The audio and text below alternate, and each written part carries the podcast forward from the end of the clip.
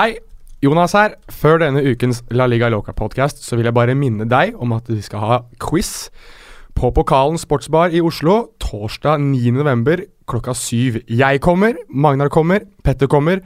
Nordin Amrabat kommer ikke, men du kommer.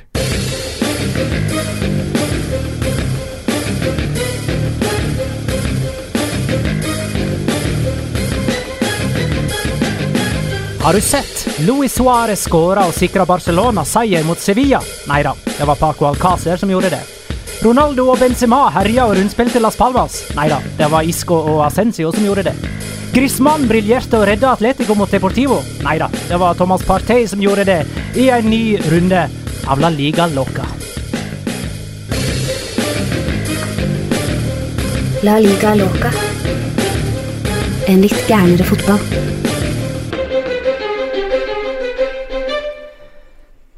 Da har vi gjort unna runde nummer 11 i La Liga. En landslagspause står for uh, tur. Atletic-trener Siganda sa etter nok et tap at det skulle bli godt nå med en landslagspause, selv om Atletic har vært gjennom flere landslagspauser denne høsten og vært like ræva før og etter. Men det er kanskje flere lag, bl.a. de i toppen, som ser ut til å trenge et lite opphold. For de vinner, men det ser ut til å være med en mangel på inspirasjon i flere leirer. Vi skal snakke om det og så mye mer. Jeg, Magna Kvalvik, og du, Jonas Giæver, hei. Hola. Og du, Petter Velland, hei. Hei. Har dere lyst til å si noe om dere sjøl før vi går i gang om innholdet i siste rundes uh, La Liga? Nei. Du har på deg Ole Brumm-genser igjen, Jonas. Det er ja, godt å se. Den er tilbake. Ja, er jeg, jeg eh, har faktisk uh, gravd den fram i dag. Jeg fant den ikke uh, sist gang, men jeg bestemte meg for å bruke en halvtime på å lete etter det som har blitt podkast. Genseren min, og det er vel uh, stort skjegg Ole Brumm-genser. Det høres ikke bra ut, men uh, det er det som har blitt meg. Jeg har vært hjemme hos deg. Jeg skjønner at du brukte en halvtime på å grave den fram. Du, uh, shout-out til Fredrik Eisentreger som har rydda hele leiligheten vår. Så- Nei! jo, det har, Nei! Jo, så uh, han hører uh, innimellom på, og nå skal jeg gi en grunn til til å høre på podden vår. Han har rydda og shina hele kåken vår. Det blir Ole Brumm-genser i hver podkast resten av vår eksistens. sant? Jeg føler Ole Brumm har blitt uh, litt sånn maskot. Ja, det eh, må, det må bli det. Det må bli det. Ørjan Samuelsen skriver til oss på Twitter at vi snakka for lite om Real Madrid sist gang. Skal vi bønne der, da? da? Real Madrid Las Palmas 3-0. Casemiro, Ascencio og Isco eh, skåra. Eh, vi kan jo, han, Ørjan Samuelsen hadde ikke noe spørsmål, han ville bare at vi skulle snakke om Real Madrid. Men Kim Kim Allergodt følger opp. Vant Real Madrid bare fordi at eh, Las Palmas var dårlige, eller er dette en form for friskmelding? Det er ikke noe friskmelding, i hvert fall, syns jeg. Jeg synes jo at de så mye mye bedre ut enn de har gjort på lenge, men uh, nå spiller du mot et Las Palmas som jeg synes ser ganske desorientert ut uansett. Uh, Ganske gunstig å ha Las Palmas som motstander denne helgen. Det er god medisin, det er det. Men eh, jeg er jo helt enig med Jonas da at selv om du ikke har uh, nøse i løpet av en time, så betyr ikke det at du ikke er forkjøla lenger. Det, det ligger noen symptomer der som fortsatt ligger og ulmer. eh, og det er fortsatt alarmerende at eh, de to, eh, eller for så vidt da tre, som skal skåre mål, enten er helt ute av form, eh, eller bommer på alle sjanser, eller er skada. Altså Den supertrioen eh, BBC, den, den eksisterer på papiret, men ikke i praksis lenger. Og det er jo eh, selvfølgelig en av veldig mange årsaker til at eh, Real Madrid sliter. Men eh, jeg syns iallfall det som var positivt på Real Madrid sine vegne, var at Ascensio omsider fikk vist fram skuddfoten sin. ah, sensasjonal. Herregud, ja, den var bra. Takk. Var det den du skulle Nei, jeg har masse i dag, jeg. Du har masse- ja, men du har masse i er- notatene dine, du. Den er, eh, nei, men den var jeg litt fornøyd med. Asensasjonal. Ja. Så sa det BBC funker ikke, men er det greit at CIA gjør det? Casemiro, Isco og Ascencio, som skåret eh, målene for, eh, for Real Madrid. Jeg satt og tenkte på det. Hvilke bokstavkombinasjoner kan vi diske opp uh, på den nye uh, de nye ledestjernene i Real Madrid? Og der uh, kommer den der til å slå an? Nei. Men jeg prøver. Føler jeg Casemiro er vel kanskje den som skal ut av en såkalt Er eh, nok det. Er nok det. Cristiano er det som begynner. Ja. Da har du Ja, faktisk, faktisk. eh, CIA. CIA. Cristiano, ja. Så det Ja, altså, siden vi er inne på Cristiano Ronaldo, det har blitt um, Uh, det har gått et døgn, sånn cirka. Uh, når vi har gått inn i studio her, så er det et døgn cirka siden Real Madrid slo Las Palmas. Og da har det blitt diskutert igjen på sosiale medier spesielt, den kroppsholdningen til Cristiano Ronaldo. Eh, nå fikk han vel en assist eh, til Isco, men eh, det som stikker ut rent visuelt, er jo at han går og furter langs med sidelinja, mens spillere omfavner, eller prøver i alle fall å omfavne han. Ja. Men altså, sola eh, står opp om morgenen, den går ned på kvelden. Eh, det blir scoring hvis ballen treffer nettmaskene. Cristiano Ronaldo er sånn. Sånn er det jo bare. Skal vi virkelig bruke tid på det igjen? Det er sånn han er. Nei, Det har vært sånn, det er sånn, det kommer til å være sånn. jeg trenger ikke, vi trenger ikke å bruke så mye tid på det, men det er jo litt interessant at eh, altså, han hadde sitt Luis Suárez-øyeblikk denne helga her, hvor han egentlig når han bommer på en sjanse nå, så bare står han og ler. Og sånn, jeg, hva, hva mer skal jeg gjøre, liksom? Altså, nå, nå har jeg prøvd alt. Det, Ja. det var eh, Det er vel e ett seriemål på elleve kamper nå. Det er hans dårligste serieåpning, vel? Ja. Til hans forsvar så har han jo bare spilt sju, men Ja, likevel jo, fryktelig jo. dårlig eh, Ja. til han å være. Og det er Ja. den, den klart verste uh, sesongstarten som Real Madrid spiller. Uh, verste noteringa før dette var fem. Hadde, ja, nettopp. For da hadde det vært det samme med hvis Han, han har jo bare spilt syv, men det er hans dårligste uansett om det er 11, hadde vært elleve eller Ja, syv. ja, ja, ja. nettopp. Men han har jo fire på fire kamper i Champions League. Ja. Han har fem? Seks på fire? Og ja, Han han har skårer skåra i fire. Han har skårer i alle fire. Så skår, Ja, han sånn skårer er vel to mot Apoel, to mot Mm. Dortmund, og så to mot Tottenham i to forskjellige kamper. Ja, en Men- skåring mot Tottenham nå, den uh, Ja, skåring, da. Det skal sies, men mm. ja, Men han er jo eh, 32 år gammel, og det kan jo være at eh, eh, han aldri igjen kommer til å nå sånne tall som han sjøl har prestert tidligere. Er ikke det liksom på tide for han sjøl å innse det òg, at eh, eh, det vil eh, ja, Målnummeret, målantallet, vil gå ned, og dermed så er det like greit å prøve å servere de unge fremadstormene det, istedenfor å gå rundt og vise dårlige holdninger med uttrykket sitt etter noen kamp uten mål, liksom.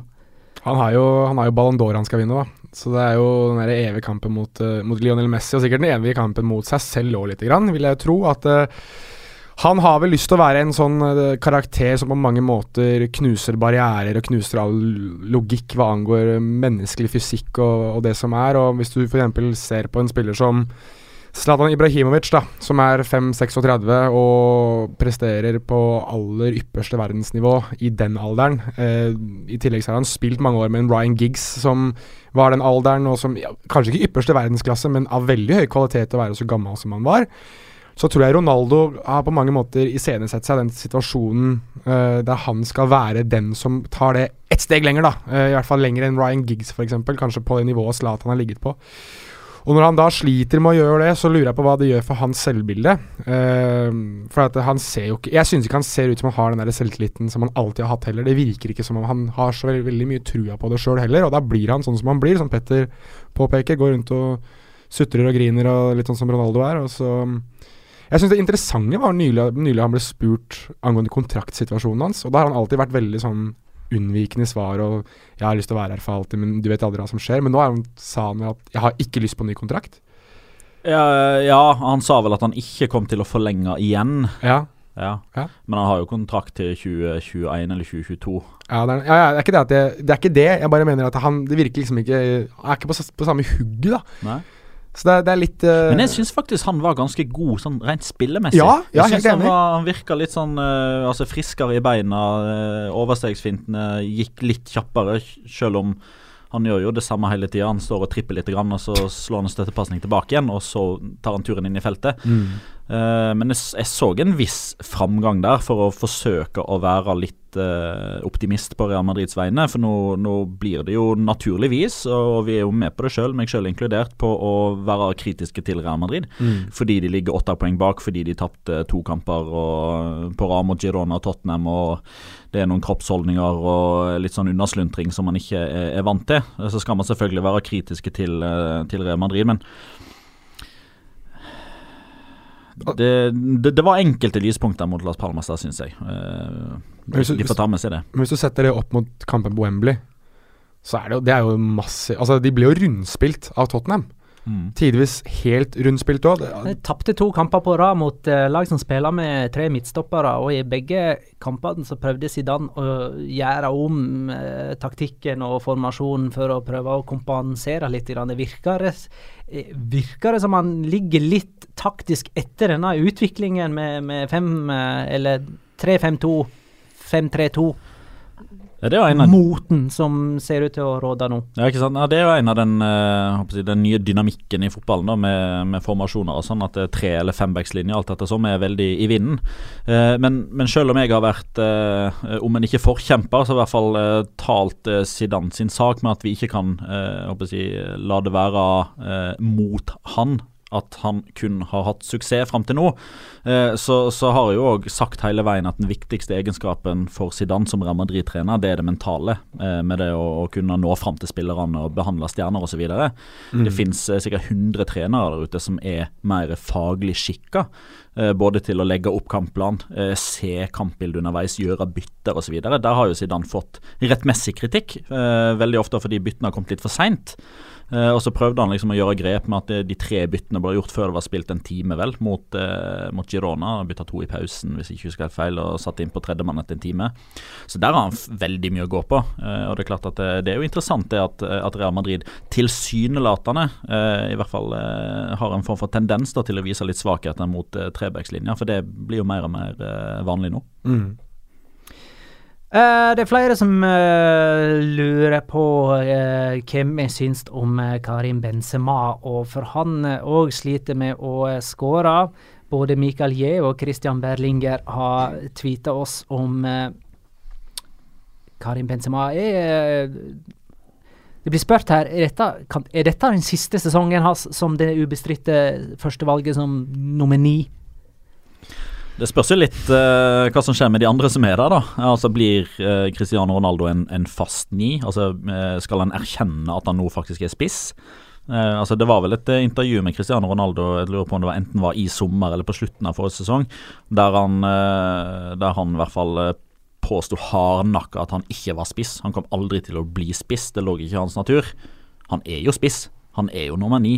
Han er jo knapt ute på, eh, på vingen, bortsett fra når han skal forsøke å frigjøre litt rom for andre eller trekke med seg motstanderen ut. Han har blitt det, i hvert fall. Ja, ja jo, han, jo. Eh, han er nummer ni nå. Så det er klart at eh, da, da kan det hende at Zidane, eller den som eventuelt er Real Madrid-trener i framtida, kanskje ser at det er faktisk ikke så veldig behov for Benzema. fordi han og Cristiano Ronaldo de, de har ikke lenger et godt nok samarbeid. De går litt i veien for hverandre. Eh, hva skjer med Borja Majoral? Eh, skal de ut på markedet og hente en, eh, en nier? Det er jo Ja. kanskje det mest eh, logiske nå. For nå, Mm. nå begynner det å bli lenge siden Madrid har henta en Galactico. 2014 er forrige gang de henta en mann som gikk rett inn i elveren. Ja, og både Cristian Cristiano Ronaldo og Benzema er runda 30 nå. Benzema blir 30 i desember. Begge har vært i ni sesonger når denne sesongen er ferdig. For meg er gammel. Ja, ikke sant? Mm. Det begynner å bli eh, det, sånn I fotballsyklussammenheng så, så har de fleste lag skifta ut sine I alle fall den ene av disse angriperne eh, innen nå, liksom. I hvert fall tre eller fire ganger på de ja, Mange av de store klubbene har gjort det, i hvert fall. Skiftet ut to eller tre ganger. Um, Men hvor lenge kan Benzema leve på det der uh, altså, jeg- rare ryktet om at han er så ufattelig god til å frigjøre rom for andre spillere? Men er det et er, rart, er det et rart rykte? Jeg klarer ikke, hver, klarer ikke spisse på det nivået hans å gjøre det. Jo, de bør i alle fall. Jo, så det? jo, men han er jo ikke noe spiss. Ja, da måtte vi omskolert han i så fall. Majoral. Jo, men eh, ta eh, Altså, la, la oss ta Robert Lewandowski, da, for Han har en sånn spesiell evne til å suge til seg forsvaret, eller? Og da mener jeg det Nei, ikke i bokstavelig forstand. Nei da, men altså, nå, nå er det jo ikke Altså, jeg vil jo ikke si at uh, typ, hovedargumentet for å bruke Benzema er Altså, ho Hovedargumentet er jo ikke at han suger til seg motstandere og oppmerksomhet. Det er jo en konsekvens av at Karim Benzema er en spiss, en midtspiss i verdens største fotballklubb, som er fornøyd om han blir nummer tre på toppskårerlista. Kan man godt si at det er liksom mangel på ambisjoner, men jeg syns Det han, han, jo mange han, jo, men han forstår si rolle. Når han har Cristiano Ronaldo til venstre og Gareth Bale til høyre, som han da har når Real Madrid topper laget og alle spillerne eh, makser, da er ikke det han som skal skåre målene. Da skal han være nest sist, tredje sist på ballen. Da skal han ta det løpet inn på første stolpe som gjør at ingen dekker Cristiano Ronaldo når han kommer på Det der bakre klarte stolpe. Adebayor. oss. Nei, det gjorde han ikke. Det gjorde han aldeles ikke. Men for å ta Lewandowski-eksempelet, da. Hvis han eh, hadde blitt henta til Real Madrid, så tror jeg ikke han nødvendigvis hadde akseptert det. Da skulle han kommet dit for å bli toppskårer. Jeg tror Morata hadde akseptert. Tror jeg jo. Jeg tror at Jo mer og mer vi tenker over det, jo mer og mer tenker nok Real Madrid at det burde i hvert fall revurdert Morata. Absolutt, men da måtte de ha lagt om litt på måten de spiller fotball på. For Morata kan ikke ta Benzema-rollen. Det kan han ikke. Det er han ikke flink nok til. Nei, greit, men de hadde i hvert fall hatt en plan A og en plan B, da, eventuelt. Har de det, har de det nå? Det vet ikke jeg. Jeg syns, syns Real Madrid er vanskelig å bli Men, smart på. men heil, hele, den Benzema-diskusjonen er jo veldig interessant. Fordi den er veldig, den er veldig eh, Er det riktig å si bipolar? Polariserende. er Polariserende. er. Den er veldig polariserende. For det er enten-eller. Eh, det går liksom ikke an å ha et eh, sånn midt imellom-forhold til Karim Benzema. Enten så er man eh, sånn at man overhauser dette her med at han frigjør rom, og at det er ikke han som skal bli toppskårer, Eller så er etc. ja. Eller så er man på andre med at han ikke skårer eh, nok mål, og han er ikke god nok, og bla, bla, bla. Mm. Litt sånn midt imellom, jeg. Jeg syns Karim Benzema gjør en veldig god jobb, sånn generelt for Amarid. Selvfølgelig skulle han ha skåret flere mål, men jeg, jeg tror på, altså, hovedpoenget mitt her er at får de inn en spiss som er enda bedre til å sette sjansene sine enn Benzema, og som klarer å akseptere at den store stjerna er Cristiano Ronaldo, den nest største stjerna når han er skadefri, skal være Gareth Bale. Den tredje Kjør på. største Isco. Fjerde største Ascencio.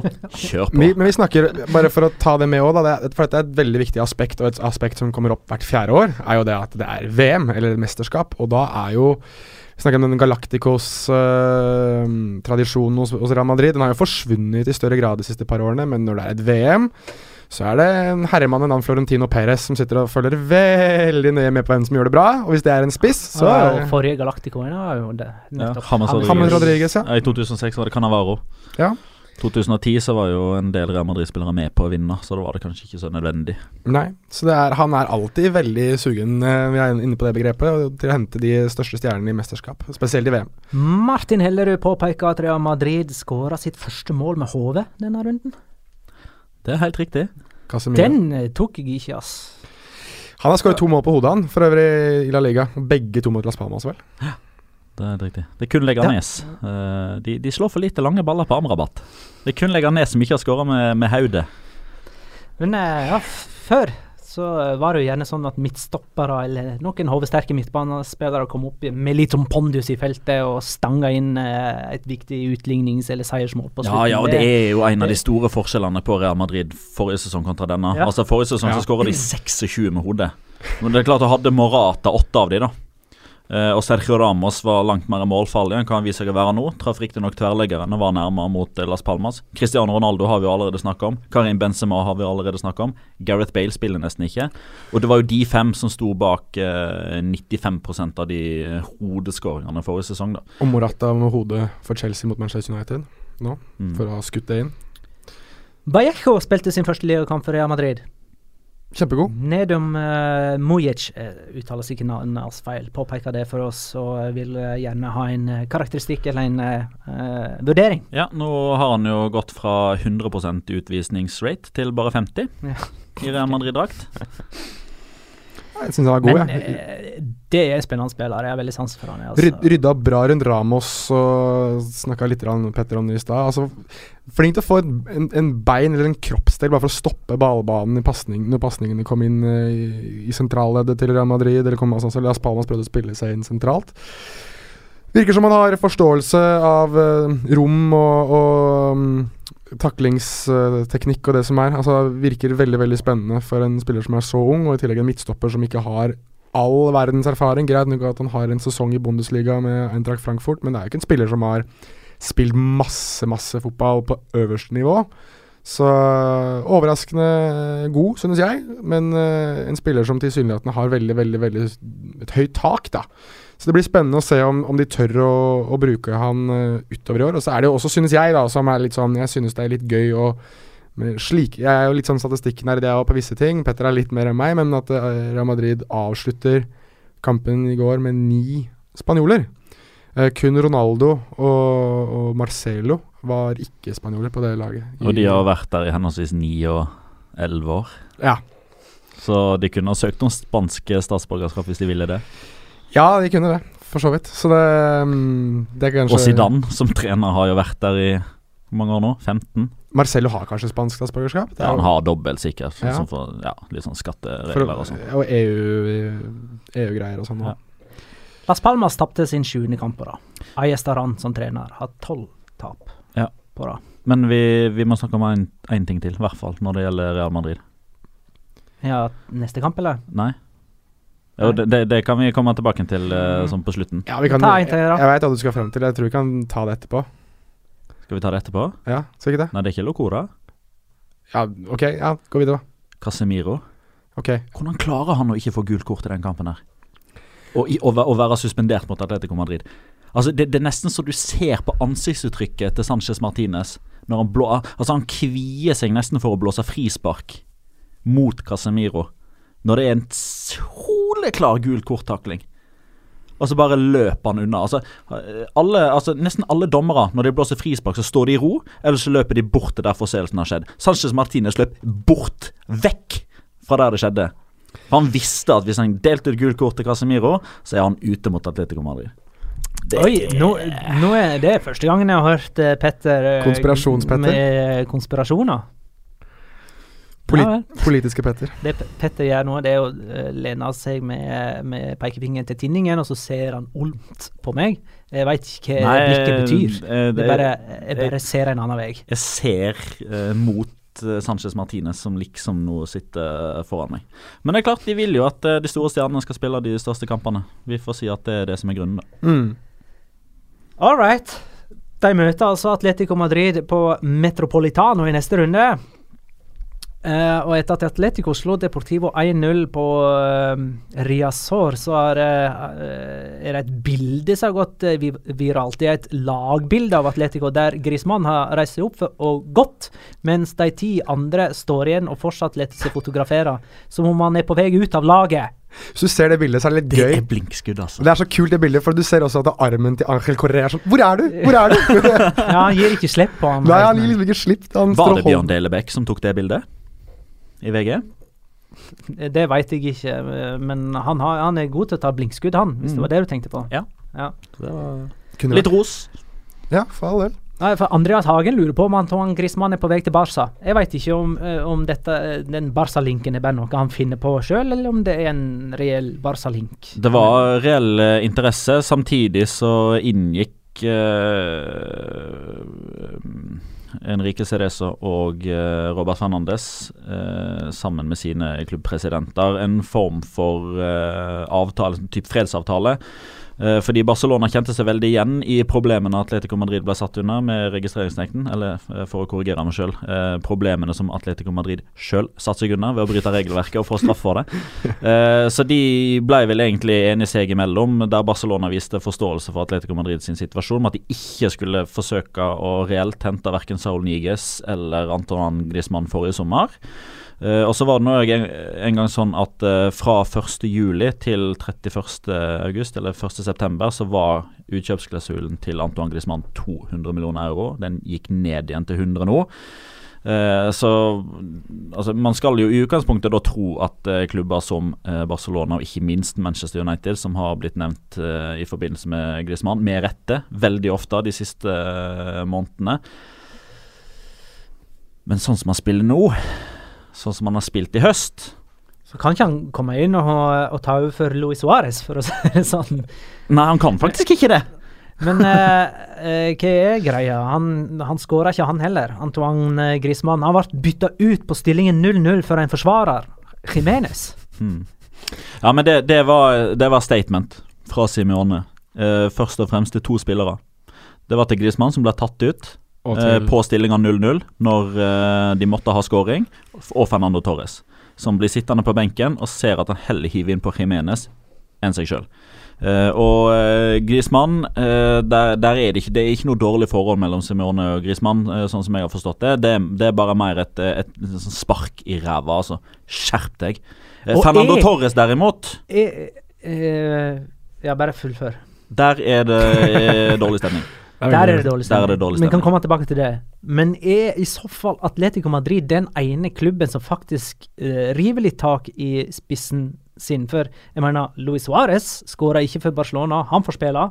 selv om Paco Alcázar skåra to mål. Han blir bytta ut rett etterpå, og Luis Suárez får spille videre. Benzema får spille samme pokker, mens Griezmann han blir Og Cristiano Ronaldo og får spille. Cristiano Ronaldo eh, står urørt eh, uten skåringer, mens Griezmann blir eh, eh, rista i skuldrene og tatt tak i.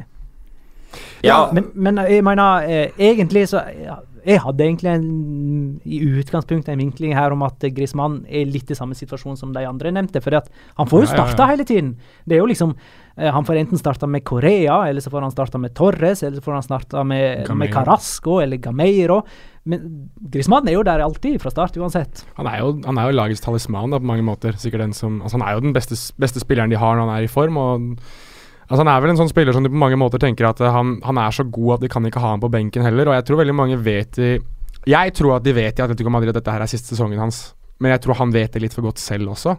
For det virker ikke helt som at han jeg vet ikke helt, det, det er veldig vanskelig å si, og det er liksom litt sånn uh, det, er ikke min, det er ikke min jobb å analysere uh, kroppsspråk og og om hvorvidt hva han tenker og sånn. Jo, det er det. jeg er ikke noen psykolog, så jeg vet jo ikke hva han tenker. Men, Du er La Liga Loca-psykologen.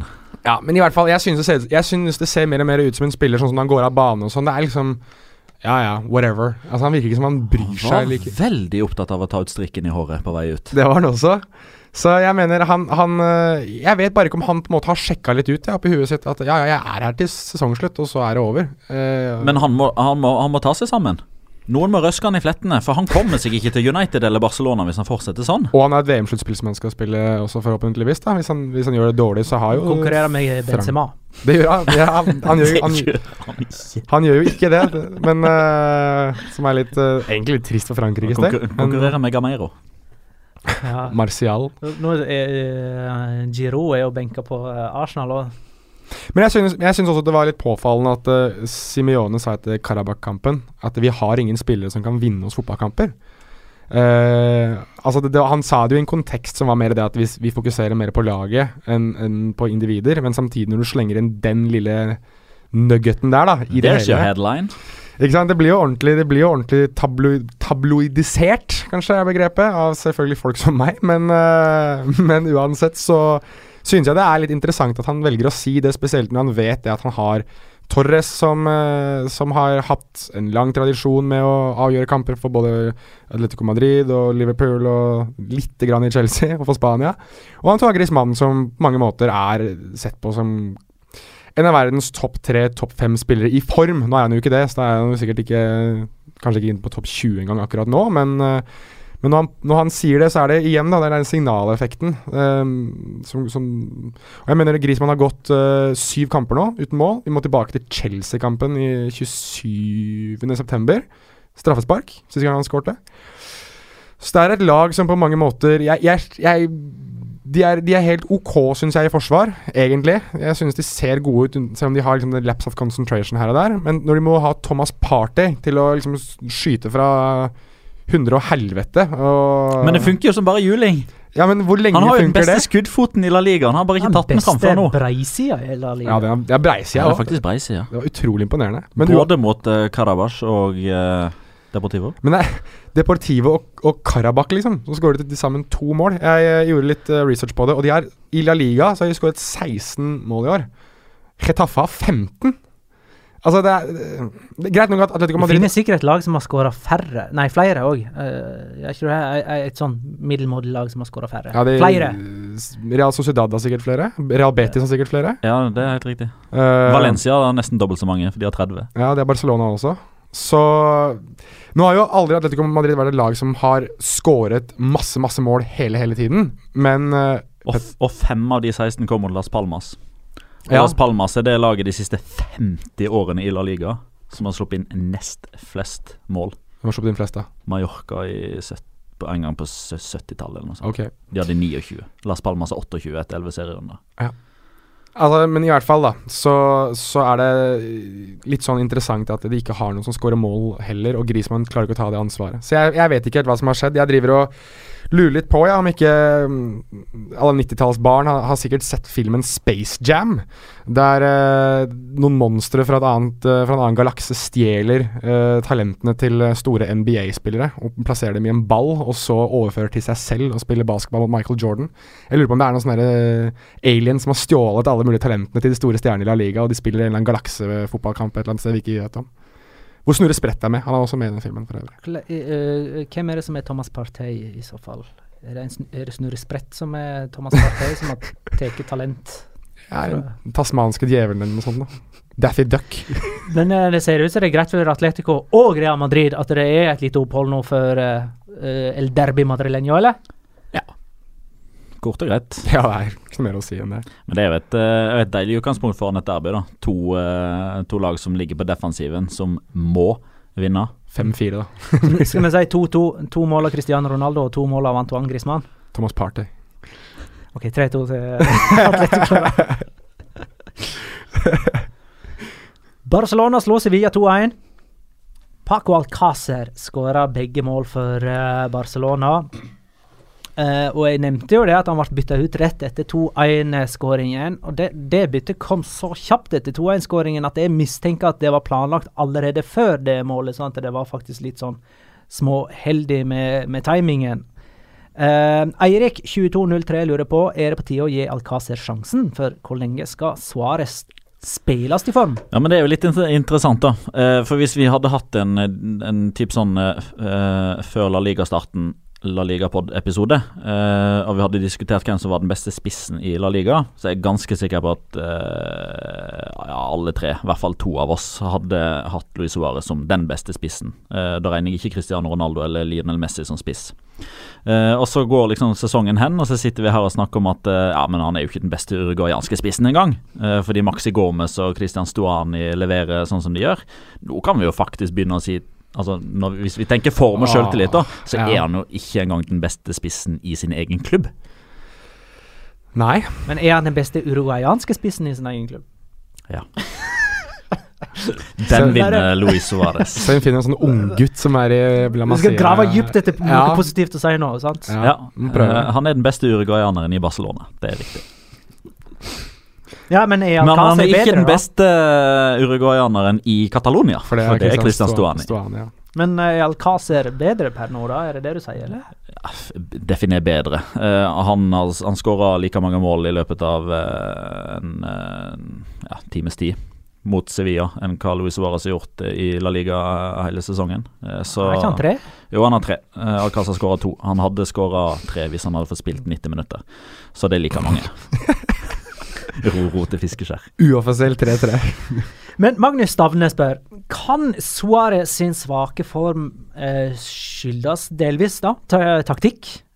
Eh, mangel på den bredden i angrepet som var der i fjor, f.eks. Det er jo ingen nå som ligger der ute og dribler seg innover fra, fra kant og, og serverer med små detaljprega pasninger. Thomas Halvesen følger opp. Kunne det være bedre for Louis Luis Suárez om eh, Dembélé ikke var skada, f.eks.? Jeg vil jo tro at uh, det sikkert hjelper på. At uh, de har flere strenger å spille på, at de gir Suárez mer, mer rom og mer plass. Men jeg vil jo tro at uh, Suárez er- har hatt en har vært så god som individuell spiller i så mange år. Altså, nå tenker jeg spesielt på tiden hans i Liverpool, der jeg mener at han var best. Altså, der var han, han var bedre i Liverpool som individ enn han har vært i Barcelona. Litt også fordi at han hadde mer ansvar. Um, og hadde sikkert muligheten til å vise seg i større grad enn han har hatt i Barcelona. Og, og da var det jo strengt tatt mannsmarkering på Suárez hele tiden. Så det er ikke det at han ikke kjenner til det som foregår akkurat nå. Jeg lurer på uh, hvor gammel er han blitt? 30? 31? Luis Suárez. Født i 87? Ja, 30 da. Ja. Så jeg vet ikke om, det, er- om, det er, om han er en sånn type spiller som er, eh, hadde kjempepeak som 27-28-åring og så rett ned igjen. Det kan Han blir jo- 31 i januar, faktisk. Han gjør det, ja? Mm. Nei, jeg, så jeg vet ikke om, om han kanskje er en sånn type. Um, Men altså, jeg mener, det er jo ikke pga. spillerne rundt seg at han bommer på gigasjanser. nei, det er selvtilliten hans. Og, den, og den blir jo dårligere og dårligere uh, jo lenger og lenger han går uten å skåre mål, og jo lenger og lenger han går uten å egentlig ha en god fotballkamp. Og Suárez er jo på mange måter i Barcelona kun Altså jeg kun i hermetegn for å skåre mål, for han har jo spillere som Messi blant annet, som gjør mye av den playmaker-jobben, og skal gjøre den playmaker-jobben, for det er det Messi trives best med, å komme dypt i banen og hente og sette, sette opp eh, motstanderne. Og Neymar gjorde det også i stor grad, iallfall i større grad enn Suárez, mens mens i uh, Liverpool så var, handlet så å si alt om han. Uh, og jeg vet, jeg vet ikke. Jeg, jeg, jeg synes han er et sånt mysterium, fordi at jeg kan på mange måter ikke forsvare det at han bommer på så store sjanser, når han har vært så god og så klinisk i så mange år. Det er litt sånn som Ronaldo. Det er vanskelig å Og, da, og det eneste jeg faller på da, er Er det alder? Er det fader Tid som liksom har sagt ifra meg at hei, her er jeg for å ødelegge, nå skal du trappe litt ned? Um, så jeg, jeg synes, synes, det er vanskelig, og jeg vet ikke helt om taktikk og formasjonsendringer har så ekstremt mye å si akkurat der. To ting som jeg tenker, det er at hvis jeg hadde vært Ernesto Valverde, eh, så tror jeg ikke jeg hadde brukt så veldig mye eh, Altså, jeg, tror, jeg hadde ikke satt Luis Suárez på typ avslutningstrening. Eh, for, for det, det, kan han, det ligger i blodet. Eh, jeg hadde ikke typ bedt Uruguay om å ikke ta han ut til landskampene. Eh, det har jo da for så vidt skjedd nå. Uruguay har ikke tatt han ut. Han får nå to uker med, med, med kun trening hjemme i Barcelona. Det jeg ville sagt til Luis Suárez, er å prøv å være litt positiv, prøv å være litt blid. Uansett hva som skjer de neste 90 minuttene, smil, vær glad. Se om du kan liksom vippe pendelen i din favør. Uh, så får vi jo se hvordan det går utover høsten. Da. Altså, jeg, hvem, hvem, er surest i La Liga nå? Er det Cristiano Ronaldo, eller er Luis suraest?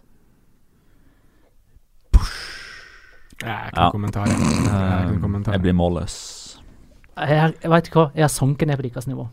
Litt sånn det er som, det jeg har gjort. Velkommen. Petter er sånn som Cristiano Suárez, han er helt målløs. Audun Rød Vent litt. Stian er det som spør. Situasjonen rundt Messi og kontrakten som var klar for lenge siden, men som fremdeles ikke er gjort offentlig. Kan ikke vi snakke om det? Jo, vi kan godt det. Fra, nå er det bare uh, ja, halvannen måned. Uh, litt mer enn det. Cirka to si måneder ja. til januar. Uh, og da er Messi den situasjonen så vidt vi veit, eh, i alle fall, at eh, man kan signere han på en sånn prekontrakt. For det at kontrakten som han sitter på nå, går ut i sommer. Ja, uh, utad så virker det jo veldig sånn uh, det er jo alltid liksom vanskelig å vite hvem man skal tro på eh, i dette virvaret, dette jungelet av informasjon og meninger og påstander som kommer.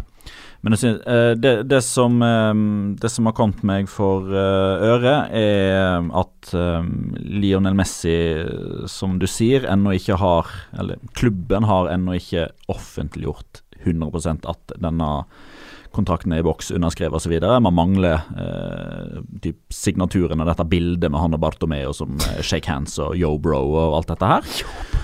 Men eh, det som er interessant, er at Messi har etter sigende nå eh, i fire måneder ca. spilt eller hva skal jeg si eh, levd eh, med sin nye kontrakt. Eh, altså den lønna som kommer inn på konto, er ny type. Altså den er den som de har avtalt. Målbonusen hans, klausulene hans, alle sånne type ting. han, han spiller og agerer under de kontraktsforholdene som de har blitt enige om. Men det er bare ikke typ signert offentlig, eller altså dette bildet er ikke tatt, av uvisse årsaker. Og Det er jo det som gjør at man nå kan spekulere litt i liksom, hva er årsaken. Angrer Messi på at han skrev under? Eh, vil han ikke så lenge Bartomeo sitter? Eh, er det et spill for galleriet? Eh, er det bare alle rundt som overdramatiserer dette? Eh, Messi, tar seg dette så rolig at ja, dette venter vi med? Eller? Det er jo det som gjør at det blir en kime til spekulasjoner, og som Magnar korrekt påpeker. I, altså, i, dersom denne, dette bildet, da som jo er egentlig det eneste vi venter på. Eh, hvis det liksom lar, lar vente på seg eh, i enda større og lengre grad fram til januar, så får i alle fall mediene veldig mye å skrive om. Men jeg, jeg tror ikke det er noen reell sjanse for at Messi går noe sted. I hvert fall ikke gratis. Altså, de, de, de ville jo vært tidenes dolk i ryggen, vil jeg si, om Messi forlater Barca gratis. Spesielt hvis han går til Manchester City, der hele den gamle Barca-ledelsen sitter vel.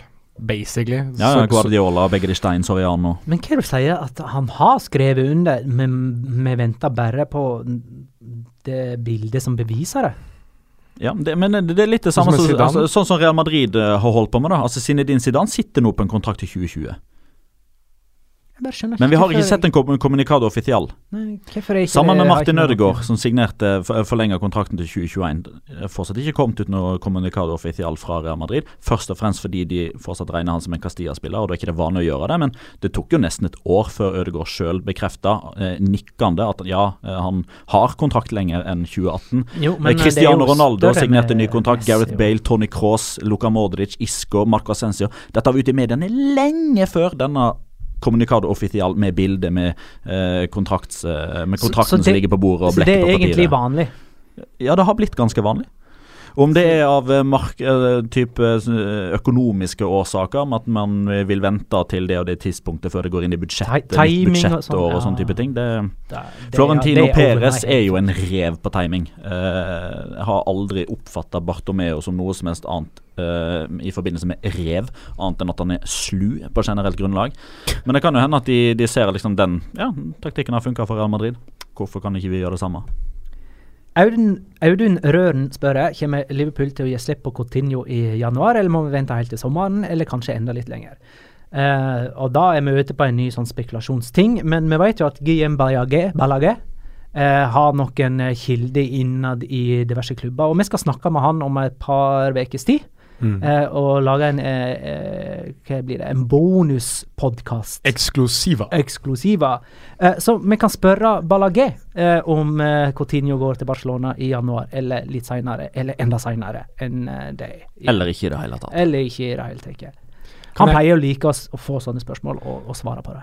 Kan jeg komme med et uh, dårlig ordspill som jeg har sett og ruget på? Da må det være ufattelig jobb. Ok, da. Alle, alle stjerner i La Liga slet, foruten Lionel. Han er god likevel. Takk skal du ha. Sevilla tapte altså på kamp nå. Det betyr at det er luka fra fjerde og ned til femteplass. Eh, med tre poeng. Eh, så eh, eh, nå begynner det å haste litt med å prøve å tette igjen der, så ikke det fire største eh, trekker ifra. Sevilla fikk for øvrig ikke gullkort i denne kampen. Har du lyst til å si noe om det, Veland?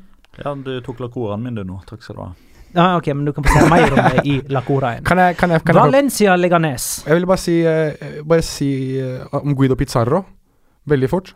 Ja, Ja. Jeg, tror, jeg tror ikke jeg har sett en spiller kjeppjage Lionel Messi rundt så uh, suksessfullt da, som Pizarro. Og han skåra òg. Han skåra også, men jeg var, jeg var så fascinert av han i første omgang. Han uh, jaget ned Messi hver eneste gang han var på ballen. Så var liksom, Du kunne nesten høre at Guido Pizarro konstant uh, Ja, Litt ja synd litt, at det sånn. Litt sånn. Han fikk ikke noen tjeneste av eh, Escudero. Nei. Nei, det er grusomt. Men, Grusomt. men vi, vi, vi må jo nevne da Messi. 600 kamper nå Ja, OK. for eh, Barca. 523 mål, 199 målgivende, 105 treff i aluminiumet. Det er helt vilt. Sånne tall får vi aldri se igjen, Nei, det er greit. mener jeg. Ja, det er greit, det. Ja, jeg tenkte den kunne få henge litt i lufta. Ja, det, jeg syns det var kjempebra. Ja. Valencia Leganes 3-0. Parejo, Rodrigo Moreno og eh, Santimina med skåringa. Valencia har vunnet sju seriekamper på rad. Og måtte Sasa på dass og drita. Ja. Eller kanskje. Jeg veit ikke om det var bimmelim eller bommelom, men uh, Voy Albanjo sa han til uh, Marcelino. Uh, så det er en spekulasjon som jeg sjøl var med på å sette i gang, uh, i hvert fall for de som så kampen på norsk TV. Ja, Det for, var for det som skjedde, var at eh, Sasa ble bytta ut uten å ha skåra. Og han så ganske furten ut. Han var furten. Han var Han var, han var kanskje drita nødig òg, men Ja. eh, han var furten. eh, Dette har skjedd to ganger nå. Og han satte seg på benken og furta, og så gikk han i garderoben. Og det så ut som Marcelino hadde lyst til å holde han igjen og si Ja. kom igjen, bli med oss da, gutta boys. Eh, Og så sa han nei takk til det, og bare gikk i garderoben. Ja, vi, vi, han, vi eh, trodde det var andre gangen det skjedde. Altså mot, mot Levante så skjedde det jo. Men det skjedde jo da altså ikke denne gangen. Nei. eh, nei, greit. Men eh, da vi så på det, så tenkte, tenkte i hvert fall jeg at, at nå har det Ja. Men jeg synes det egentlig er kult, jeg. Skal jeg være helt ærlig. Jeg synes det er, for, det, det, for meg nå så virker det mer som Sasa som har så høye forventninger til seg selv, og så når ting ikke blir går bra, så blir han bare sint. Altså Han blir forbanna Jeg tror han er mer forbanna på seg selv enn på Marcelino nødvendigvis. Jeg tror at det, selvfølgelig Han er jo ikke fornøyd med å bli bytta ut, men jeg tror at han har satt en så høy standard til seg selv nå at når det ikke går hans vei, så blir han så Ah, helt Cristiano. Ronaldo. Ja, det, Ja, det er litt Cristiano Ronaldo over det, og, og det er den positive Cristiano Ronaldo. At da Ronaldo ble sint for ikke å ha scora eller for ikke å ha gjort en god kamp, så ble han tilsynelatende sint på alle andre, ikke sant? Men jeg tror at eh, han og Sasa blir mer forbanna på seg selv. Og så kommer det ut på den måten der, da. Eh, og han gjorde det mot Levante da han ikke spilte, eller hva var det, hva var det der igjen? Var det satt på Han starta på benken, og så begynte uh, Damo å hive seg på i sosiale medier og litt sånne type Ja, ting. Og da, da fikk jo Ja. Sasa rett og slett Da måtte han stå skolerett overfor Marcelino og si Ja. greit, vil du starte kampene, begynn å bevise det på treningsfeltet. Ja, ja. Etter det så har han skåra i alle kampene fram til nå. Ja. For Marcelino er ikke en du kødder med på det der. Marcelino er ikke en du kødder med. Han havna jo i bortimot slagsmål med fire av Real-spillere i en treningskamp mot Deportivo for eh, 11 måneder 15 måneder siden. Det er derfor han er Valencia-trener og ikke Villarreal-trener nå. Så han, eh, han bør du ikke hisse på deg. Nå har Sasa og Rodrigo eh, Rodrigo skåra jo, det gjorde ikke Sasa. Og Dermed så har Sasa og Rodrigo eh, til sammen 16 mål. Ett mer enn Messi og Suárez. Det Det er det giftigste spissparet i Men, La Liga akkurat nå. ja, eh, men eh, apropos eh, Messi og dette her. Eh, nå skal jeg er egentlig på Valencia Leganes nå. Jo, jo, men eh, du, du minte meg på det, og så har jeg en annen locora. Men eh, nå skal jeg stille Jonas eh, ni ja-nei-spørsmål. Å herregud, hvor lang tid skal dette ta? Nei, dette tar ikke lang tid. Nei. Er Louis Suárez en god målskårer til vanlig? ja. Gareth Bale, Nei. Antoine Griezmann, Ja. Vissan Ben Yedder, Ja. Kevin Gameiro, Ja. Cristiano Ronaldo, Ja. Karim Benzema, Ja. Luciano Vietto, Nei. Carlos Vela, Ja. Nordin Amrabat.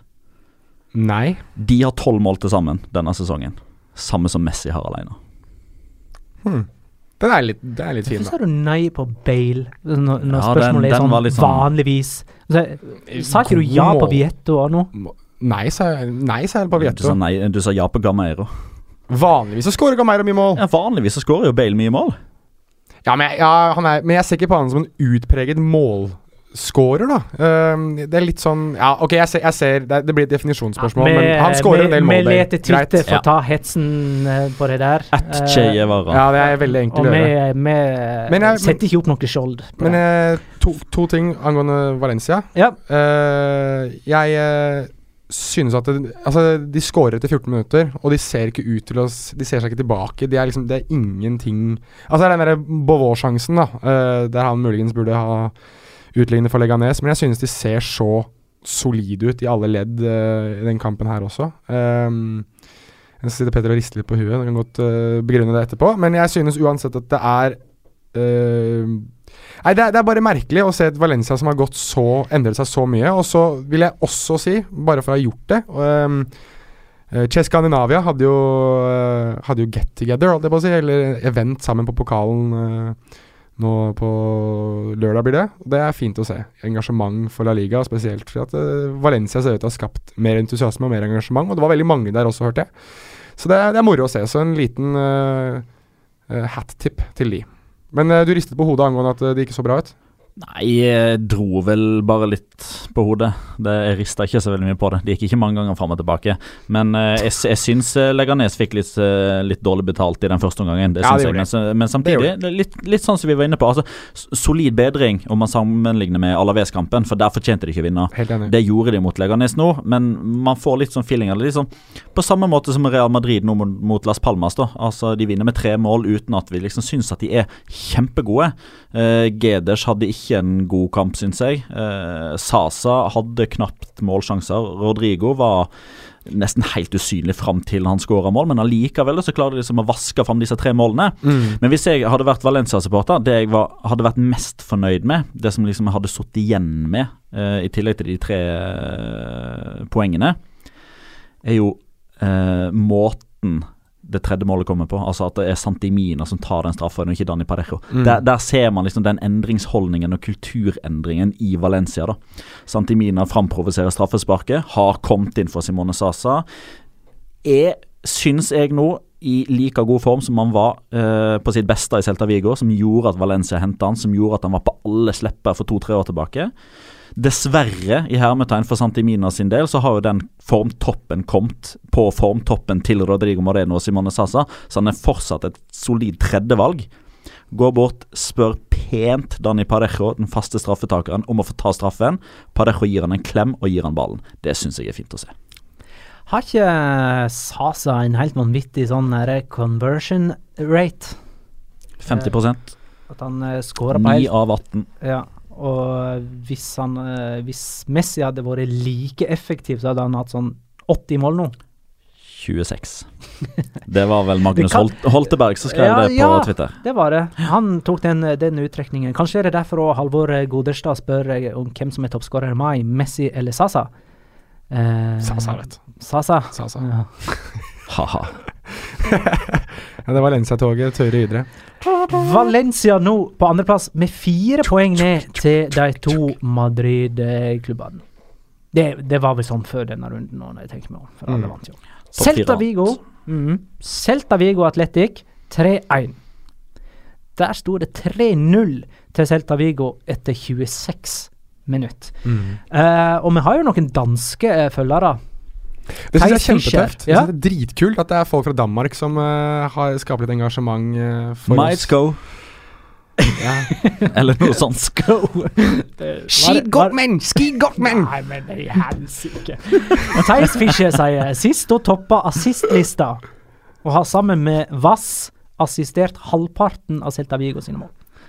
Vasse Skal du, pasninger. skal du ta det, eller? Det var jo en Ja, men Trygve Skogstad er misunnelig på danskene. Ja, Det det, er Petter- det det har jeg eh, sagt ettertrykkelig på Twitter en gang. Jeg skal eh, si, her også, hva er det du driver jeg skal si for noe? Ja, men altså, eh, når vi satt og så eh, Las Palmas Celta Vigo, når de Ja. vaska inn skåringer mot eh, Las Palmas, Ja. da satt jo vi og venta på at Daniel Wass skulle slå en målgivende pasning til Iago Aspas. Det skjedde jo nå på søndag. Ja. En Vass-pass! Ja, jeg Ja, var det, var det jeg som Og kjørte? Pione. Assisto. Ja. Det er kjempegøy. De har, de har 22 skåringer i år, Celta. 11 av de har blitt uh, assistert av dansker. Tolv. Er det 12 nå? Sju på siste og fem på Vass. Ja, nei, Det er eh, vanvittig gøy, synes jeg, da. Som uh, Og i tillegg så har Daniel Vass skåra to. Vass, men- Nei, han har fem. Okay. Uh, siste år sju. Uh, I tillegg til tre mål på siste år, to mål på Daniel Vass. Så 16 av 22 mål denne sesongen, så har en danske vært enten sist eller nest sist på ballen. det er deilig å være dansk. I Vigo. Møter Irland, de. I playoff. Ikke Vass. Nei, bare sist, da. Mm. Mm. Og Simon Kea. Simon Kea er med. Kea. De har, de, har, de har noen skikkelige midtstoppere i Danmark. Det skal de ha. Sanka Jørgensen og Simon Kea. Kristensen. Ja, han er jo Ja, sant. Men eh, eh, Johan Sjøbakk Lund spør jeg. uh, Husk at vi er på, litt på Atletic her òg, da. Er Gaiska Garitano Atletic-trener neste måned? Uh, Gaiska Garitano, som noen kanskje husker, leda Eibar opp i uh, Primera. Rykka jo ned igjen med dem, men de fikk beholde plassen pga. at Elche hadde finansielle problem. Garitano slutta i Eibar som følge av nedrykket, som jo ikke ble noe nedrykk. Og siden så har han jo òg klart å få sparken i både Valladolid og Deportivo, men er nå reservelagstrener for Atletic, altså Bilbao Atletic. Men Ja. er det en mann eh, å Da- gå for? Da blir det jo eh, Da har jo eh, hovedtreneren, altså Valverde, gått, og så har eh, res- B-lagstreneren kom til opp. Altså hvis han får fyken, så kommer òg B-lagstreneren opp. Dette er jo eh, Atletic Klubb sin trenerfilosofi, eh, bare at det vanligvis er for spillere. Ja, nei uh... Men Siganda, da, som er trener nå, eh, hvor lenge er han det? Jeg mener, dette her er jo så ræva. Elleve poeng på elleve kamper for Atletic, svakeste på åtte år. mm, 15.-plass. Eh, Ni år! 08-09. Ja, det blir det. Da endte de to poeng eh, over nedrykk.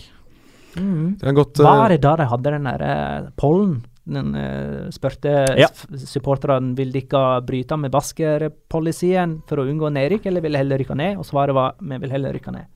92% eller noe sånt var det som heller ville rykke ned med Baska-policyen enn å holde seg uten. Litt sånn som eh, nå, nå, Det blir en skikkelig digresjon, men da River Plate rykket ned i Argentina, og de vurderte om de skulle bytte ut det røde seilet på draktene sine med svart, fordi at de aldri ville se det røde seilet i divisjon, divisjonen under den øverste. De endte opp med at de ble spillende med rødt. Hmm. Så, men, eh, men eh, nå har da Atletic gått eh, åtte De siste, siste åtte kampene deres har de hatt én seier. Uh, det var mot Sevilla. 15.-plass. Og Ja, i La Liga. i La Liga, ja. Snakker jeg om La Liga. Ja. Eh, de har jo vunnet litt mot eh, Østersund og sånn, men Ja, men det er den eneste òg. De klarte jo ikke å slå Formentera i den spanske cupen engang. Nei, det gjorde de ikke. Og som Injaki Williams sjøl sa i dette gode intervjuet med Alexandra Jonsson, eh, de trodde jo at de bare skulle reise opp til Østersund og spasere med seg tre poeng hjem, for han hadde ikke hørt om laget engang. Og så fikk de seg en liten dans, som han sa. Så eh, de har eh, det er noe, det er ikke noe sånn eh, hyggelig Det er ikke noe reggaeton-dansing av over fotballen deres om dagen. Det er vel mer sånn uh, slow fox eh, Til rytmen av Enrique Iglesias og Baila Moss. Eller Livin La Vida Loca. Men uh, de, er ikke, de er ikke gode om dagen, så la oss gå tilbake til det som faktisk er tema. De er ikke gode, og jeg tror at Siganda nå begynner å kjenne at det, det brenner litt under uh, føttene hans. Og at uh, når du da har Gaisca Garitano, som er en sånn slags skygge, kanskje, som begynner å hvile seg litt over han Så jeg vet ikke hvordan resultatene til Bilbao Athletic er akkurat nå. De vant Det vel, er, og det er ikke så viktig, egentlig, når det kommer Nei. til uh, om Gjorde en ikke det så bra skal fram. med Castilla de din Zidane? Nei, det gjorde han ikke, for så vidt. Men, men ja, nei, men eh, når du på en måte har en person som Eusebio klarte seg jo ikke bra som Barca B-trener, så jeg kan gjøre med det altså til i dag nå. Ja, stemmer. Nei, men det kan godt Jeg, jeg tror at det, det er i hvert fall en, en løsning, da, hvis det skulle komme til det, den situasjonen hvor de faktisk velger å gjøre noe. Og jeg tror at de nå må vurdere det snart, for det er vel nesten Mitchell-nivå over hvor lang tid Siganda skal, eh, skal få lov til å sitte som atletikktrener. Men så skal man jo da helt tilbake til 2006 for å finne forrige gang Atletic sparka trener i sesong. Så det er jo en, det er jo en viss uh, Hva skal jeg si En baug å komme over for Josu Orotia og, og ta det valget at uh, ja, nå skal han bli den presidenten som ikke satt stille og rolig i båten.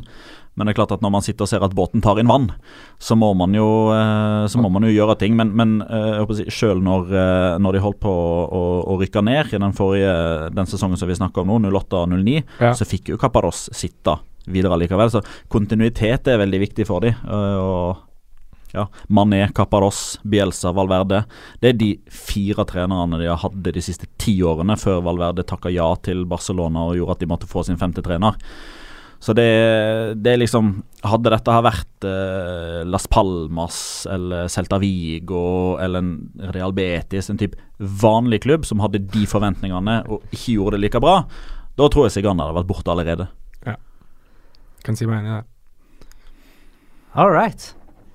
Uh, Real Sociedad ba Real Sociedad Eibar 3-1. Baskis derby. Oyarzabal skåra for Real Sociedad. Det, må, det var i sjette av åtte kamper. Ja, seks på de siste sju. Ja. Fantastisk spiller. Janusai skåra, hei! Adnan, i gang. Gratulerer. Ja, Gud bedre hadde han ikke skåra etter den der bommen han hadde. Ja, men herregud, han bomma jo egentlig på den han skåra på òg. Ja, ja, ja, han gjorde det. Han ligger jo og kravler på streken. Nei, altså, den skåringen må du se på YouTube. Den var litt funny. Jeg må si, Eh, og, og ha da i mente at han har bomma på åpen mål tidligere. ja, ta den bommen først. eh, Den her må jo være på YouTube et sted nå, for den er ganske komisk, den òg. Det er han runde keeper, og så skal jeg bare legge inn i nett, og så hamrer han den i Det som er, det som er liksom det store problemet der, og, og, og som jeg lar meg irritere over altså Grunnen til at han bommer, er jo at han, høyre, da! Ja, han sidestiller jo han, han plasserer jo kroppen helt feil fordi han må avslutte med venstre. Ja. Altså, Hvis du ikke er god nok til å avslutte med høyre derifra, må du legge opp. Ja, skyt med høyre. Altså, er Eller bli leid ut til Eller- Westham i januar, eller- siden David Moyes har tatt over der. Eller, eller gjør som, eh, gjør som eh, Di Maria annet var konge på. At enten skyt med yttersida av foten, eller kjør en sånn gammel uh, Gud, hva heter det for noe igjen? Uh, Skuddfinta? Nei. Uh, Rabona. Rabona, der har du det. Ja. Prøv en, uh, en av de to. Gud, jeg glemte det. Uh, Skuddfinte Rabona. Og så med utsida i ja. Det er ikke. Koresma, det her. José skåra òg for uh, Real Sociedad. Det var med HV. Uh, det jeg hadde lyst til å si, etter Real Sociedad jo eh, om uh, Det blir halvannen uke fra nå skal til Trondheim og spille mot Rosenborg. To og en halv uke. Ja, det er det. Uh, to og en halv uke. Og da reiser vi til Trondheim og ser den kampen òg, og så gjør vi sikkert ting. Ja, vi prøver på Hvis det. vi har lyttere oppe i Trondheim, så eh, blir vi ut da, etterpå. Ja, bli med ut, og så kan vi jo prøve å samle, samle litt folk og ha, gjøre, gjøre en helaften ut av det, som man sier. Uh, det hadde jo vært utrolig moro å møte folk der oppe, og samtidig se uh, det laget som jeg, kanskje sammen med Valencia og Real Betis, som jeg syns er mest underholdende å se på om dagen. Jeg syns Real Sociedad er morsomme, og de slipper jo inn hele tiden nå. Altså, på elleve seriekamper så har de holdt nullen i to av dem. Altså, det, du, hvis det er én ting du alltid vet med Real Sociedad, de som tipper Du kan jo tippe begge lag scorer, for den går jo inn hver eneste gang. Men altså, hvis man liker mål, da, og det gjør man jo hvis man er interessert i fotball, Ja, er da, da, er, da er det altså Sociedad-laget eh, for deg, eh, kjære lytter. Eh, fem, 45 mål denne sesongen eh, framover og bakover i kampene til Real Sociedad. På 11 kamper. Det er, over, det er fire i snitt. Det er faktisk over fire i snitt. I tillegg da så har du jo i Europa League fire mål mot Rosenborg, fire mål i kampen mot Zenit, seks borte mot Vardar, tre hjemme mot Vardar. Og så Rosenborg må vinne kampen. Må By the way. Det må jo bli moro. Hæ? Det må bli moro. Det må bli moro. Og I tillegg så ser Enigo Martinez ut som en sånn der japansk Pokémon-figur etter å ha uh, blonda håret sitt. Gud, så stygt. Sorry, jeg, altså, jeg, jeg, jeg, Jeg skal ikke Gud, så stygt. Kunne ikke du ha sagt gid mens du, mens du jeg, var i ble- gang? jeg skulle akkurat til å si Gid, så stygt. det er ikke, jeg, jeg og alle skal ikke drive og snakke om uh, hvordan folk ser ut og hårvekst og det som er. Jeg har jo Tines skjeggvekst sjøl som ikke ser bra ut om dagen. Jo, Men, men det er jo ikke blondt. nei, men det er litt rødt. Uh, Det, hvis uh, Inigo Martine skårer på Lerkendal, ja. blonder du skjegget ditt da? Ja, hår og skjegg. Og øyevippe. Jeg mener øyebryn. Alt. Ta en sånn her charrier. Si ja, si ja, si ja, si ja. Så jeg ser ut som en sånn dårlig kopi av Og da Hulk setter Hogan? vi deg opp eh, på torget ved sida av eh, Olav Tryggvason, og så eh, tar vi det på fredagen. Nei, men ve- I vet du full, hva? eh, Vet du hva? offentlighet. Hvis du lover at du gjør det, og det skjer, så skal jeg ta på meg oppgave om at du skal få en videohilsen av Inigo Martinez. OK, da har vi en deal. Kjør! Villarreal Malaga 2-0. Sansone skåra begge mål for uh, Villarreal. Ingen har starta bedre som Villarreal-trener i La Liga enn Javier Calleja. 4-1-0 på fem kamper. Det er sterkt. Men de tapte mot Ponferradina og klarte bare uavgjort mot Atletico i forrige runde. Bare Det er De ikke bare har- bare. De har 20 poeng, ligger på femteplass. Trenger dobbelt så mange poeng for å sikre seg mot uh, nedrykk. Som du spådde, skal vi huske på. Kjetil Velle spør. Pablo Fornals. Han har vært god etter trener og posisjonsbytte. Hvor god kan han bli? Er du like bergtatt av Fornals? Ja. Ja. Uh, og det handler vel uh, først og fremst om fordi jeg var så skuffa eh, etter de første fire, fem, seks kampene, der han ikke ble brukt uh, på noen spesielt god måte under Franis Kedua. Men under Calleja så har han fått en veldig sentral rolle. Han er veldig mye involvert i spillet. Eh, han slår veldig mange pasninger. Eh, han eh, slo jo den fantastiske pasninga til Sansone nå på, på søndag. Han er et uh, uromoment, og, eh, og de som så Malaga mye forrige sesong, uh, fikk jo der se bruddstykker av hvor god han faktisk kan være. Uh, de som følger David Cartledge, aka David Jaka, på Twitter, at det er jo Pablo Fornals største fan. Hvis noen starter fanklubb for Pablo Fornal, så er han styreformann, kasserer, president og alt mulig. Eh, både visepresident og tredjepresident. Alt mulig. Han elsker Pablo Fornals. Eh, og igjen, da. De som følger David Cartledge på Twitter, vet at han, han er en, eh, en fyr som vet hva han farer med. Så han ser eh, ekstremt lovende ut. Og, og 21 år. Ja. Spennende. Eh, og I tillegg så har de Samo Castillejo, som Han, han har debutert for Spania. Ja, fikk han en kamp eh, i fjor sommer, muligens? Jeg lurer på det. Nå sitter vi og ser på statistikken. Ja, ser på Wikipedia nå. Ja. Står, står tre. ja, hvis det står på Wikipedia, så er det sant. Det trenger ikke være det. Der står det for eh, øvrig, står for øvrig eh, takk være Håvard Leon, at uh, Norden Amrabat er kjent i Skandinavia Ja. kun fordi jeg snakker pent Men det er jo sant. Eh, Egentlig. Men kan jeg, kan jeg stille spørsmål? Har, har Mitchell fått sparken ennå? Det er styrmann som spør det. Jeg spør også om det. Eh, Jeg, jeg, er styrmann- jeg og styrmann spør om det sammen. Svaret er nei. Foreløpig.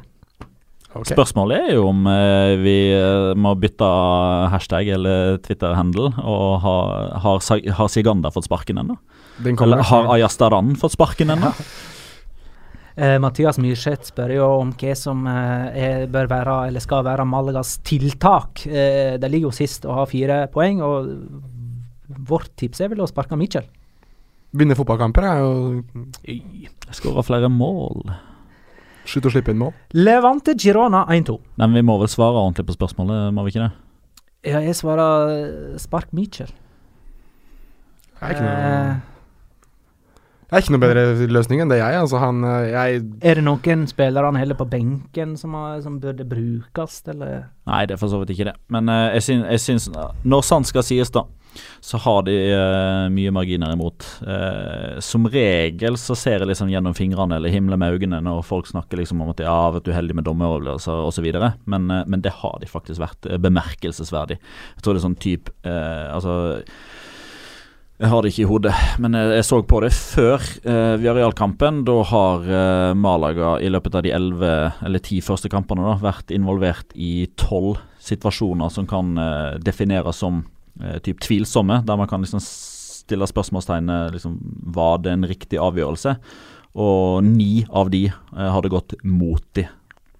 Så det er klart at eh, dersom ting eh, jevner seg ut i løpet av en sesong, som er så populært å si, så begynner jo dette snart å gå i deres fall. det har ikke vært spillemessig så ille. Det har ikke det heller, vet du. Det- Og jeg står for det jeg sa sist, det var utrolig vakkert å se eh, Malaga vinne en kamp. Men vi Eh, får med ikke all se- den gleden uh, som var før, under og etter den kampen. Men vi får ikke se Reti og gråte mot Deportivo, for han er suspendert, Ja, ja, men det Da får noen flere. andre sette inn den avgjørende straffen. Adalberto Peñaranda. Levante. Girona 1-2. Mm, Sterk Here's av det Girona. Uh, Skal jeg komme med en uh, fun fact? Ja, ja Enes Onal. Uh, ja, det var faktisk ikke den jeg hadde tenkt å ta, men jeg kan ta den òg. Den tredje spilleren gjennom tidene som har skåra for to forskjellige La Liga-klubber eh, etter elleve serierunder av en sesong.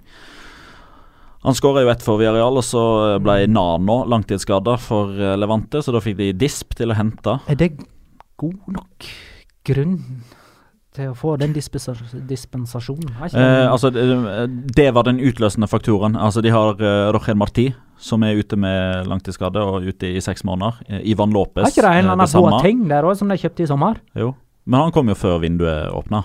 Så det, Ja, ja, men da har de jo spiss. De, de, de har jo Altså, jo, men altså, få det, dispensasjon jo, til å hente folk utenfor overgangsvinduet det- for nei, men en har blitt skada. Nei, ikke, ja, men uh, la meg få fullføre resonnementet, da. Jeg var jo Mhm. på vei til å forklare at uh, skaden til Nano var den utløsende triggeren. Men de Mhm. har i tillegg da Marti, Ivan Lopez og en til som jeg ikke husker navnet på akkurat nå. I tillegg til Nano, så de har fire mann som er ute med alvorlige kneskader. Det er det åpenbart nok til at de kan søke om dispensasjon. Ok. Kan jeg komme med en morsom fakta? Nei, men eh, ja, ja, kom med din, da, så tar jeg den som jeg egentlig skulle ta etter det. Jeg skulle egentlig si det at jeg, jeg syns det var gøy at eh, denne serien her så skårte to Villarreal-spisser, og ingen av de var Bakar Bakambo. Altså Enes Unal og uh, Nicolas Hansone. Ja. Syns det var litt kult. Ja, det var kult. Det som Og også- så har du en fakta. Ja. Eh, Girona er på øvre halvdel i, i La Liga i uh, debutsesongen sin. 67% av troppen har ennå ikke skåra mål i La Liga. Det syns jeg er litt morsomt. 16 av 24 har ennå ikke skåra mål i La Liga gjennom karrieren. Du snakker ikke bare denne sesongen, men i karrieren. Men eh, Jonas K. Lindgren spør, og la oss ta dette kjapt. Hvorfor spiller begge disse to klubbene, Levante og Girona, uten hovedsponsor på drakten? Det samme gjør for øvrig Leganes. Det er fordi de ikke har fått tilbud som de føler er gode nok. Eh, det er bare så og de vil ikke takke ja til de tilbudene de har fått, fordi de mener at da havner de i dårlig forhandlingsposisjon. Mm. eh. Så de Det er liksom eh, Jo, men det er litt sånn Ja. Nei, jeg, nei, jeg bare syns det er litt rart. Jeg bare, men jeg, jeg, jeg sitter og tenker at det kan jo ikke ta lang tid før Fly Emirates eller noe sånt nå går inn i Girona, med tanke på eierskapet deres. ja. Det kan kanskje hende at det er noe regelverk som stopper det. Eller, Der er jeg ikke så eh, veldig inne i materien. Er det ikke både New York City FC og Manchester City som spiller med noe sånn Fly Emirates eller uh, Nei, spiller med Etiad. Etihad, Etiad Etihad Airlines er det vel kanskje. De har, eller et eller annet sånt som de begge to har. Fly Emirates er um, Real Madrid blant annet. Men eh, jeg vil tro at uh, nå som Chelsea Nei, eh, City eier eh, store deler av den klubben, at det kommer bare til å være et tidsspørsmål før de bytter over til Etihad, eh, de også. Så um, Det, Det kan hende. Men, men, men det som er Det, det var litt uh, Altså Dette har jeg fra den tida Valencia spilte uten uh, hovedsponsor. Og, Ja. og da var begrunnelsen derfor at vi, vi takker ikke ja til de vi mener er et veldig dårlig tilbud. For hvis vi takker ja til det, hvordan skal vi da kunne argumentere for at vi skal ha det vi egentlig mener at vi skal ha? Mhm. Typ, uh, hvis de mener at ja, hvis du vil være draktsponsoren vår, 10 millioner euro i året. Hvis de da takker ja til det tilbudet som kommer fra et eller annet selskap da på 2 millioner euro, hvis de da takker ja til det for å få de to, så er det veldig mye vanskeligere for de å få, da, faktisk få inn de ti neste år. Og Da kan man liksom si det, ja, men eh, to millioner er jo to millioner. Eh, Ja vel. Men da kunne du hatt den sponsoren i fem år, da, kontra det ene året, hvis du da faktisk klarer å forhandle gjennom den på ti. Ja. Det er begrunnelsen fra Girona og Levante og Leganes. Vi avslutter med den aller første kampen denne runden. Real Betis Retrafe 2-2. Eh, Jorge Molina spilte for Chetaffe borte mot uh, Real Betis. Syns det var litt moro. Han skåra ikke. Uh, Chetaffe leda 2-0 på eh, Hadde Benito. vannet, da. Ja, Til en annen eks-Betis-spiller, Dani Pacheco. skåra Pacheco. Nei, eh, Francisco Portillo er det snakk om. Ja. Ja. Eh, Betis kom altså tilbake uh, med to deilige langskudd og uh, fikk med seg 2-2. Tony Sanabria igjen, altså. Mm, Igjen. Nok en gang. Jeg blir like glad hver gang. jeg. Syv kamper, syv mål nå. Mm, Fantastisk. 21-åring. Og Riyad Bodebo. Boudibou. han skårer òg. Morsomt navn. Bodebo Nei, eh, men OK, nei. kan, jeg, kan jeg si at uh, Kikki Setien var, og, og Christian Theo var fly forbanna etter kampen pga. manglende tilleggstid. Såpass ille var det at uh, Christian Theo visstnok har tatt et bilde på Snapchat og lagt ut av eh, Premier League, en Premier League-kamp, Watford mot Everton, der det ble lagt ut tolv minutter. Og la ut det med, med skriften, eller i, på Instagram, eller sånt, i hvert fall, hvor det sto sånn 'Tenk om dette kunne skjedd i La Liga'. Og da tenker jeg meldingen min til Christian Theo er hvis du velger å se Watford, Everton og Manchester United, Chelsea, så er det vel kanskje du som burde begynne å tenke litt på hva som ellers, ellers burde gjøres. Riktig. Eh, vi har vi etablert at uh, Amrabat ikke spilte denne veka? Nei, men vi kan godt eh, etablere det uten Ja. å kjøre jingle og så Ja, han, han spilte ikke, dermed så utgår Amrabat spilt. det gjør det, men jeg kan jo også Det er visst også fordi at han eh, har vel bedt om noen form for dispensasjon, hvis jeg ikke tar helt feil. Han var halvskada, ville ikke risikere å stå over den kampen som kommer nå. Nettopp, hvor eh, Marokko møter Elfenbenskysten. Hvor han står ansikt til ansikt med skjebnen sin hva angår meg og min tro på det marokkanske landslaget. For hvis Marokko spiller uavgjort der, eller vinner for, for den saks skyld, så er de klare for sitt første VM siden 98.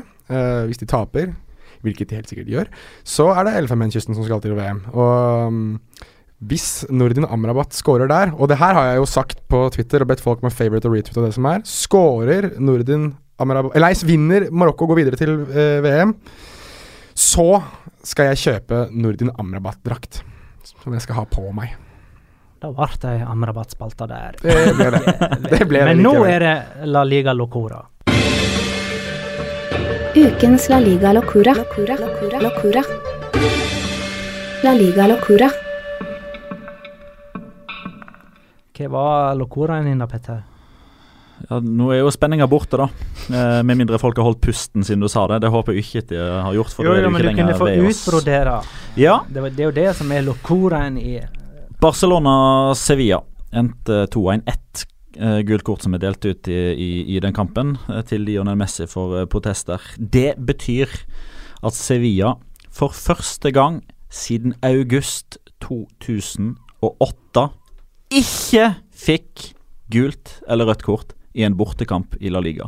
175 kamper på rad fikk Sevilla ett eller flere kort som bortelag i La Liga fram til de møtte Messi, Suárez, Iniesta og kompani. Og det var bare én som fikk gullkort i den kampen, var ikke det? det. Var, var det to, ja? Lionel Messi var den ene, i alle fall. Ja, ja, ja, ja altså, det, det sa jeg jo helt i begynnelsen. Jeg trodde du ja. snakka om Rating Santander Sevilla. For, Nei, jeg eh, tenkte år nå, eh, Der var det to. Gonzalo Colsa var den ene, husker jeg. Ja, men i Barcelona Husker Sevilla, Ja, det var Messi. Protester etter 93. Det var ett gullkort i den. Ja, Mm. Messi. Har du noe, Jonas? Ja, altså jeg vet jo nå at vi har Petter som er ekstremt glad i statistikk, men eh, Og jeg hadde en helt annen Og det, det er greit nok, jeg skjønner at det, det blir sånn locora for deg, men jeg, jeg har noen øyeblikk, sånn, sånn som vi da Prøvde så du nå å sette Locora min i dårlig lys? Ja, jeg syns den er litt uh, teit, når vi har fått det vi har fått i uh, Real Madrid uh, Las Palmas. Ja, Men den skal jo du ta. Ja, men akkurat, akkurat Kom til deg! Poenget mitt er at når du får sånne scoringer som det Marco Ascencio leverer mot Las Palmas, så er det sånn Alle papirer kastes, du slenger kopper i veggen, og det er sånn Glem alt, for det er det sjukeste du kanskje har sett på lang, lang tid.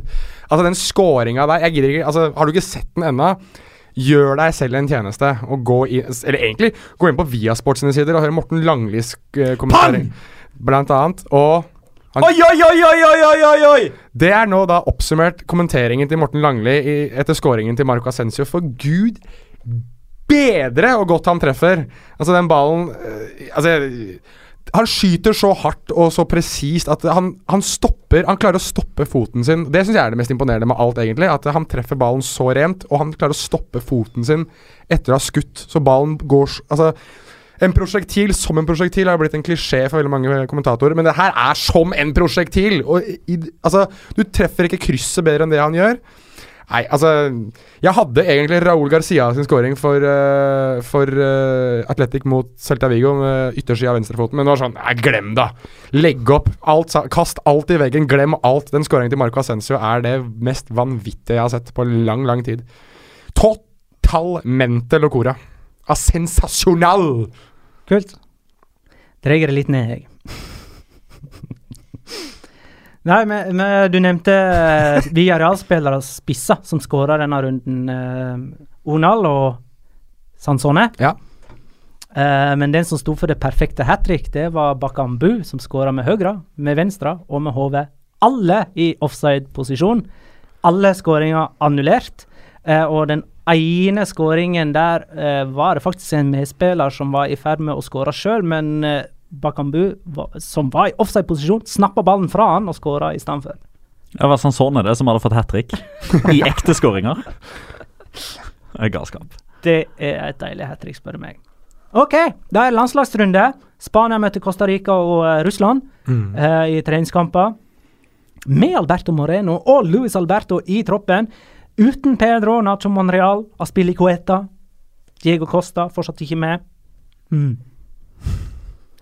Neste serierunde er et par godbiter. Atletico Madrid mot Real Madrid. Eh, jeg trekker òg fram Sevilla mot Celta Vigo når Berizzo skal møte gamleklubben. Det blir et eh, underholdende oppgjør. Og så takker vi for alle spørsmål og bidrag, og minner igjen om quiz på pokalen førstkommende torsdag, dvs. Si 9.11. klokka 19.00. Det er å tok med alt, faktisk. Jeg har ikke noe liksom sånn Å, husk og husk og husk. Jeg har ingenting av det. Så det Og, og på pokalen, da, så Det er jo playoff-kamp eh, etter quizen. Er det da Danmark møter Irland, eller er det er- Nord-Irland? Det er Nord-Irland. Nei, det er lørdag og Er ikke det torsdag? tirsdag. Nei, torsdag så er det vel Skottland-Nederland. Skottland mot Nederland, blant annet. annet. ja. okay. Så ryser den Skottland mot Nederland. Takk for at du lytta, kjære lytter. Ha det bra. Hasta la vista. Farvel.